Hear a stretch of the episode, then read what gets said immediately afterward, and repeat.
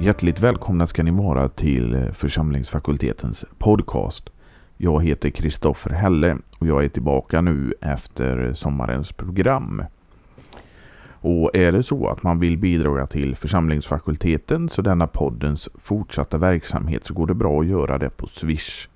Då eh, swishar man till 123 100 8457 och så märker man det med FFG Podcast. Och eh, då är man med och bidrar till eh, församlingsfakultetens fortsatta verksamhet.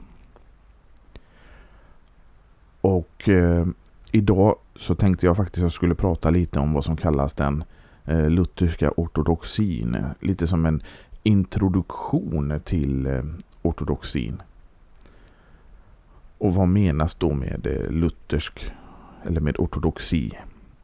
Ja, när man talar om ortodoxi i en luthersk kontext i teologi och liv så menas inte det fenomen med en stel konservatism som funnits i de flesta kristna inriktningar såsom både romersk katolskt och reformärt och lutherskt. Men eh, som även dykt upp i politiska sammanhang ibland. Det handlar om en eh, specifik tid och utveckling i, den, i lutherdomen som sträcker sig från eh, Concordieformen ungefär 150 år framåt. Och den har kallats för ortodoxi av både historiker och teologer. Vad som är speciellt med luthersk ortodoxi kan sägas vara att det är ett konservativt försök att bevara det evangeliska arv som Luthers reformation förde med sig. Det är också en iver att bevara renheten i evangeliets lära med en bestämd bekännelse och doktrin. Det karaktäriseras av en enhet i läran, en polemik som grundar sig i en avsky för heresi, men också att det var en eh, allmänning som präglades av konfessionalism. Den lutherska ortodoxin präglades också av ett antal teologer. Den viktigaste det var Martin Chemnitz och Martin Chemnitz han levde 1522 till 1586. Han skickades som 14-åring till Wittenberg där han hörde Martin Luther predika. Han var bibliotekarie i Königsberg under ett antal år och där fick han läsa mycket teologisk litteratur. Han återvände till Wittenberg där han blev student under Melanchthon och även vikarierade för honom i ett antal kurser. 1544 så prästvigdes han i Wittenberg. Och efter att ha deltagit på några möten mellan filippister och gnesiolutheraner så insåg han vikten av lutherskt enhet. Särskilt när han såg hotet från motreformationen. Och filippister, det var de som eh, anslöt sig till Melanchtons mer eh, mm, vad ska man säga, medgörliga håll. Och Gnesio-lutheraner, det var alltså gnesioäkt, Gnesio-äkt. De var så äkt, kallade sig äkt-lutheraner. Men eh, Chemnitz han ville alltså ena dessa. Och eh, då såg han som en uppgift att läromässigt ena lutheranerna. Och det, detta var Chemnitz lyckades till stor, stor del med eh, detta och var ledande i författandet av just Concordieformen som vi nämnde innan. Bland hans verk märks Examen Concili Tridentini som är en kritisk studie av konciliet i Trient och dess beslut i ljuset av vad Bibeln har att lära. Nämnas bör också hans Loci Theologici som publicerades efter hans död 1591 som följer samma mönster som Melanchtons Loci Communes. Nästa teolog är Mattias Hafenreffer och han levde 1561 till 1619. Han var först domstolspredikant i Stuttgart för att sedan bli professor i Tübingen fram till sin död. Han var en man med bred kunskap och ett lugnt temperament. Hafenreffer är mest känd för sitt gedigna arbete Compendium Doctrinae Colestesis från 1600 som består av frågor och svar. Dess klarhet, tydliga ortodoxi och behagliga storlek gjorde boken särskilt anpassad för utbildning och i Sverige användes den särskilt som gymnasielitteratur i många, många år. Och nästa teolog det är Johan Gerhardt. Han levde 1582 till 1637. Och han ses efter Luther och Chemnitz som den främsta av lutherska teologer. Under sina tidiga år var Johan Arndt hans församlingspräst och han gjorde stort intryck på Gerhard. Han studerade i bland annat eh, Wittenberg och bland eh, det han studerade så var det kyrkofäderna och hebreiska. Som författare visade Gerhard en stor bredd då han skrev om de flesta teologiska områden. Många av hans predikningar är tryckta och lästa med stort intresse. Hans hyllade verk Losi Theologici är ett storverk utgivet i 23 stora volymer som tydligt visar hans fromhet och kunskap inom bland annat systematisk teologi och även filosofi då han var särskilt intresserad av aristotelisk filosofi. Nästa teolog är Johan Andreas Kvenstedt och han levde 1617 till 1688. Och han var under hela sin prästtid professor i Wittenberg. Jämfört med andra teologer eh, levde han ett förhållandevis lugnt liv och beskrivs som en lugn och tolerant. Hans mest kända verk är Theologica Did Didactio Polemica Sive Systema Theologicum som gavs ut tre år före hans död. Det är ingen tvekan att eh, efter Chemnitz och Gerhard så är det Kvenstedts Systema som är det främsta verk och räknas som ett av de främsta dogmatiska verk som någonsin skrivits av en lutheran. Han var student i Wittenberg under bland annat Kvenstedt. Efterföljare har eh, beskyllt Holatius för eh, bland annat synergism för hans influenser från pietism. Och han eh, har även intresserat sig för psykologi och att utarbeta en nådens ordning. Han är också en av de få ledande teologerna inom den lutherska ortodoxin som inte också var lärare utan verkade som präst hela tiden. Hans enda framstående verk är examen Theo Theologicum Accormatatium som är eh, det sista av de stora dogmatiska verken inom ramen för den lutherska ortodoxin. Det speglar också hans stora pastorala omsorg. Jag skulle bara vilja tillägga att eh, de här reflektionerna om pietism och synergism är, är tydligt eh, amerikanska och de har alltså en negativ syn på pietismen. Och de ser den nästan automatiskt som eh, synergistisk.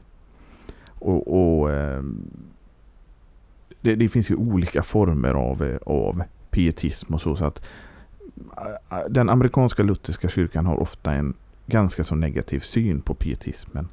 Så man ska inte det är en annan än den svenska kontexten. Och man ser Kristus som eh, mästerteologen. Och eh, det enda exemplet och mönstret för varje teolog, det är Kristus. I vad som kallas silveråldern för Luthers ortodoxi har vi Kristi profetiska ämbete i åtanke. Och redan Mose talade om Kristus skulle, att han skulle vara en teolog enligt kraft. Kristus var redan en lärare när han kom till patriarkerna som en Herrens ängel. I Jesaja 63.9 kallas samma profet eller ängel vid hans riktiga namn Jesus och frälsare, som räddar sitt folk enligt rättfärdighet. Det är han som talar till David och som Salomo kallar vishet och en herde. Teologen Abraham Karlov visar eh, på en mängd både gammal och nytestamentliga bevis för Kristi profetiska ämbete. Men Kristus är inte mästerteologen bara för att han är all teologs lärare, men för att all teologi finns centrerad i honom. Han är kärnan i skriften och just för att han är kärnan i skriften måste hans ryggrad som tydligt förkunnas i all kyrkans gudstjänster och undervisning. Det var hans eget sätt, men också evangelisternas sätt att undervisa. Detta betyder att han inte bara sätter mönstret för vår stil men också vår polemik, praktiska applikationer, homiletik, ja hela vårt sätt efter hans sätt att föra samtal. Han måste vara vår lärare precis som han var lärare för sina apostlar och precis som han var i gammaltestamentliga uppenbarelser. Karlov är tydlig med att Kristus inte bara är den vi, vi som teologer försöker att efterlikna, men också är temat för alla teologiska samtal. Särskilt hans lidande och hans död som bringar frälsning är temat för all teologi. Karlov hänvisar till ett gammalt ordspråk om att skriften ska läsas som om den vore skriven med Kristi blod. Skriftens lära är nästa del här. Och utvecklingen av dogmatiska prolegomerna och utvecklingen av en artikel om helig skrift går hand i hand. Som luthersk teologi försöker klargöra antaganden och ett basalt sätt att nämna sig, närma sig studiet av teologi är man tvingade att arbeta med teman som auktoritet, kraft, gudomligt ursprung och skriftens fullkomlighet. Det finns två saker som man ofta kommer in i i Luthers dogmatik och det är först skriften som källa för teologin och det andra skriftens gudomliga ursprung och dess egenskaper, auktoritet, sanningshalt, kraft och klarhet. Den normativa auktoriteten är precis det som menas med sola scriptura och det som menas med att det är det som står skrivet i det profetiska och apostoliska gamla och nya testamentet är, en, en, är en, den enda regeln och normen som all lära och alla lärare skall bedömas och dömas, som Concordieformen säger. Alla lärare och författare måste underordna sig den heliga skrift. Skriften är den enda källan för teologi. Det enda sättet vi känner Gud och hans vilja och den enda källan och det normerande för att tala om honom är hans egen uppenbarelse som finns i skriften. En viktig del i luthersk teologi är att kritisera det missbrukandet av tradition som särskilt den romersk-katolska kyrkan har sysslat med. Luthersk teologi alltid enhälligt lärt att skriften måste vara den enda källan för teologin. Även Kristus förkastar traditionen som en källa för teologi och uppmanar folk att komma tillbaka till den rena källan som skriften är. Oskrivna traditioner är inte ofelbara så som skriften är ofelbar. Det är snarare så att det står i kontrast till varandra och är motsägande och dess ursprung är vanligtvis obskyrt.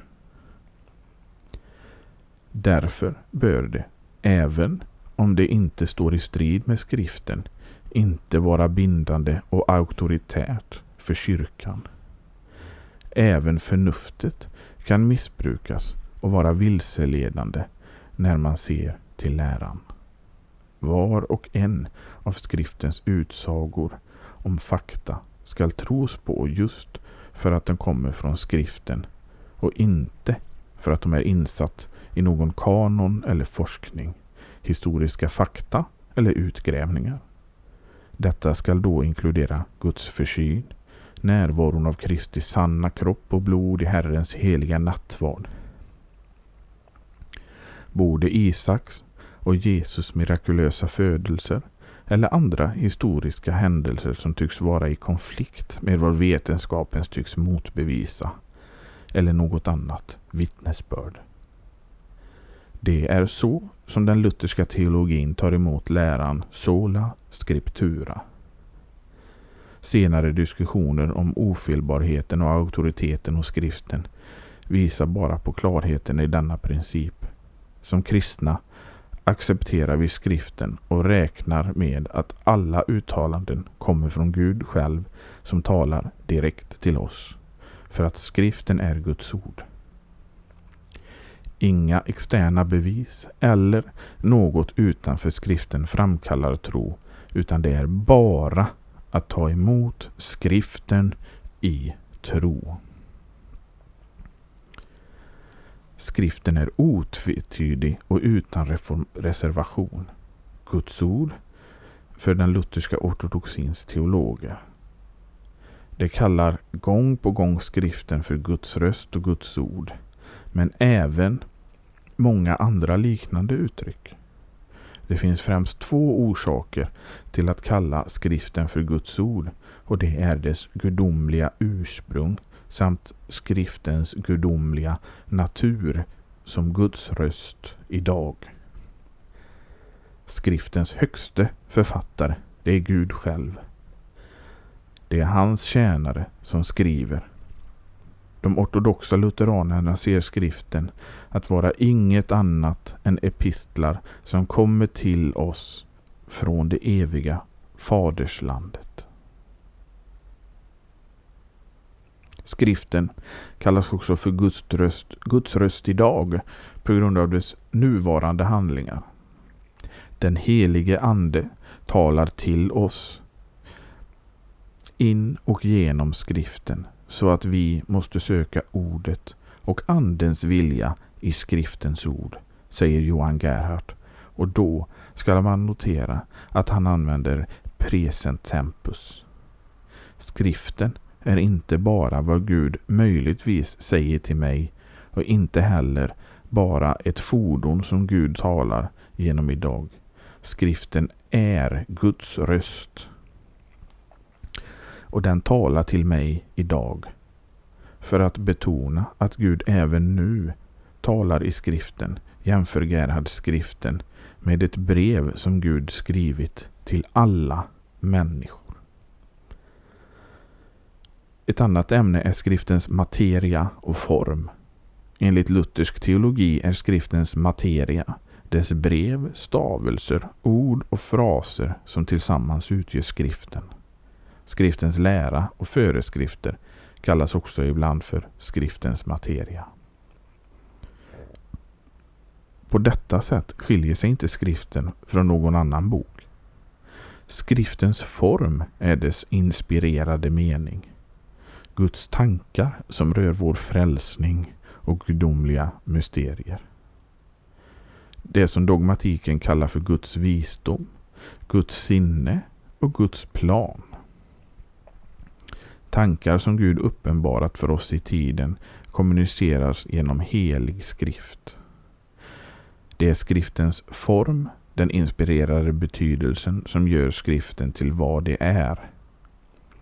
Guds ord som skiljer, från, eh, skiljer sig från andra böcker. I skriften finns inte ett jota som inte kommer från gudomlig inspiration.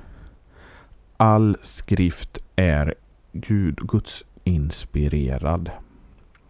Locus classicus för läran om gudomlig inspiration är andra Timoteusbrevet 3.16. Och det lyder Hela skriften är utandad av Gud och nyttig till undervisning, till bestraffning, till upprättelse och till fostran i rättfärdighet. När det kommer till skriftens auktoritet så är auktoriteten hos den heliga skrift och Guds auktoritet en och samma. Även om en anser Gud och en annan och även om en avser Gud och en annan skriften. Guds auktoritet är av honom själv. Skriftens auktoritet beror på ett unikt påbud från Gud och det är skriven under gudomlig inspiration. Således kan inte skriftens auktoritet ifrågasättas, förbättras eller smutskastas av kyrkan. Det mänskliga förnuftet eller utombibliska bevis av någon sort. Den gudomliga auktoriteten är inneboende, fristående och absolut. Skriften är ett ljus i sig som inte behöver bevisas och det är den högsta kunskapen om alla gudomliga sanningar uppnås. Var och en av skriftens utsagor måste bli accepterade a priori. Vetenskapliga, historiska och andra förnuftsmässiga utsagor kan inte motbevisa eller limitera skriftens sanningshalt. Luthersk teologi står och faller med skriftens tillräcklighet. Med tillräcklighet menas att skriften innehåller att man måste tro på för att bli frälst. Och att man måste göra för att leva ett gudfruktigt liv. Skriftens tillräcklighet är inte absolut. Gud, han har mer kunskap om teologi än vad han har uppenbarat i skriften. Skriftens tillräcklighet är snarare begränsad. Skriften är tillräcklig när det kommer till dess slut. En annan aspekt är skriftens klarhet. Alla lutherska teologer på 1500 och 1600-talet delade Luthers syn på skriftens klarhet. Det var inte något som de bara ärvde utan något som de var fullt övertygade om. Det var i princip eh, som, det var en princip som hängde ihop med skriftens tillräcklighet. Och skriftens tillräcklighet skulle inte vara möjlig om det, in, om det handlade om en mörk och obskyr bok. Men vad menade de lutherska teologerna då med skriftens klarhet? Först, den lutherska ståndpunkten, ståndpunkten betydde inte att allt i skriften som tankar och mysterier som finns där var klara. De Guds tankar och mysterier som finns i skriften är ofta oklara och över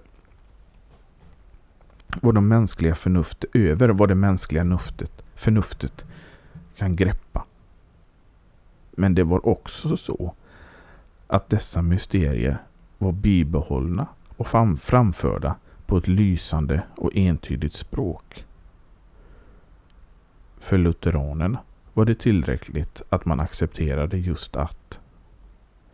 För det andra, den lutherska ståndpunkten betyder inte att det kan appliceras på varje vers i skriften. Många av de passager som handlar om tron och gudomliga föreskrifter är otydliga. Allt det som tro och liv är klarhet är klarheten som är uppenbarad i skriften. När det kommer till svåra passager får man använda hermeneutiska regeln att skriften tolkar skriften. Otydliga verser kan ofta finnas sin klarhet i att han hänvisar till andra parallella verser. När det kommer till att tolka skriften lär de gamla lutherska teologerna att de olika trosartiklarna måste vi förstå inte bara vad de, vad de hade för tankar om skriften som en källa för teologin, om dess auktoritet, klarhet och tillräcklighet, men också hur man närmade sig skriften. En lära kan uppfattas som nonsens till man har kunnat greppa den exegetiska metod och hermeneutiska kanon som kommit fram till denna slutsats. Det är nödvändigt med den heliga Andes vägledning för att tolka skriften. Tolkningen är, är en helig andes gåva, som första Korintierbrevet 12.10 säger. Detta är den mest grundläggande antagandet för allt exegetiskt arbete. Den högsta auktoriteten för att tolka skriften är Guds helige ande. Han upplyser den som tolkar för att den skall finna ett sinne och känsla av skriften och detta uppnår han genom skriften själv. Men andens upplysande har ingen exeget kunnat greppa med välgörande resultat innehållet i skriften. Skriftens enhet är också något viktigt för den lutherska ortodoxins teologer och de hade Kristus som centrum för alla skriftens teman. Kristus är, Kristus är diamanten, centrum, evangeliets skatt i hela skriften, både i det gamla och nya testamentet.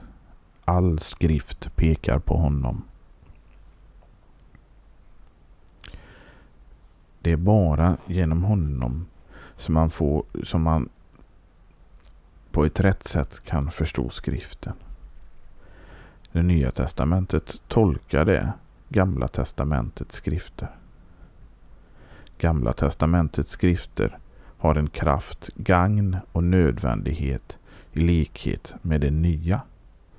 Precis som kyrkofäderna menade lutherska teologer att Gamla testamentet tillhörde kyrkan.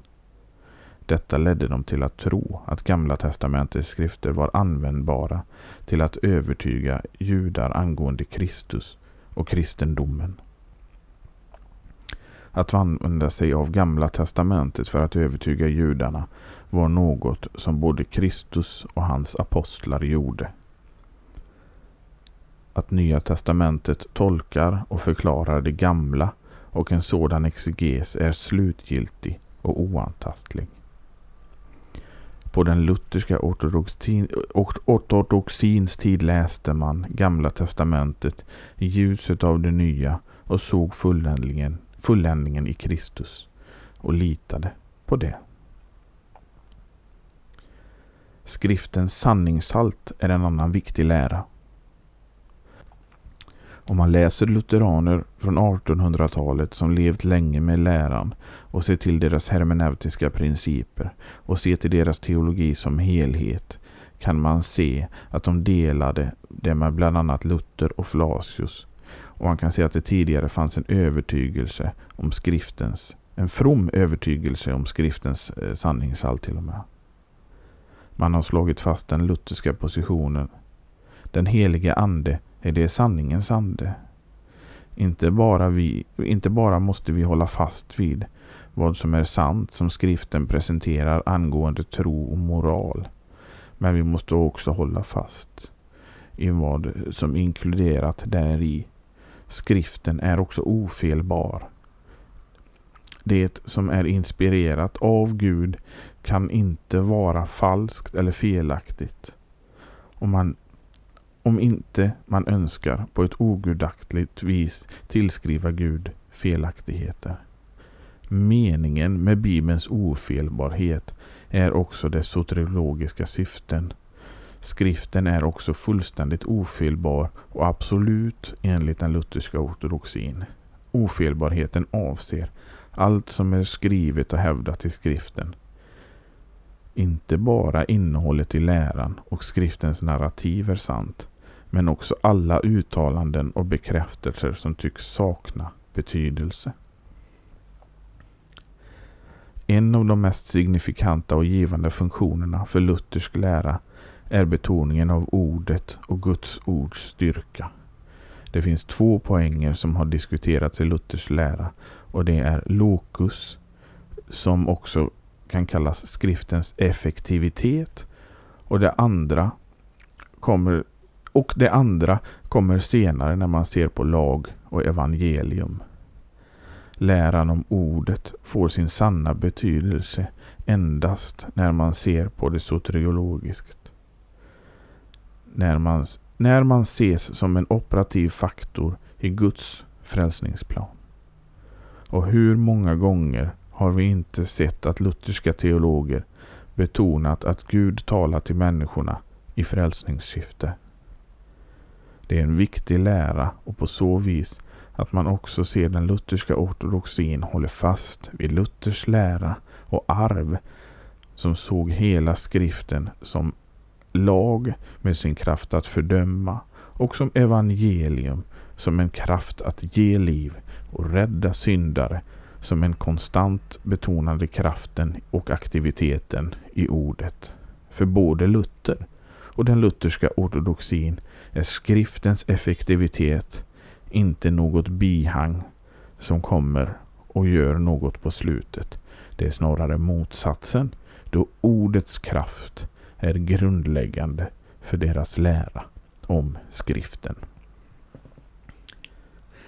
Ja, detta var en liten introduktion till den eh, lutherska ortodoxin och jag hoppas att vi snart här i FFG-podden kan eh, fortsätta och fördjupa oss i denna intressanta era. Och eh, mycket av det här har eh, kommit från en bok som är skriven av Robert Preuss som heter The Post-Reformation Lutheranism. Och den boken rekommenderas varmt för den som är intresserad. Och är det så att man vill bidra till den här poddens fortsatta arbete och Fakultetens arbete, gör det gärna på Swish och då är numret 123 100 8457 och så märker man det med FFG Podcast. Om man vill ge till podden eller FFG Gåva eller någonting om man vill ge till FFG. Och vi hörs igen nästa vecka. Ha det så bra tills dess. Hej då.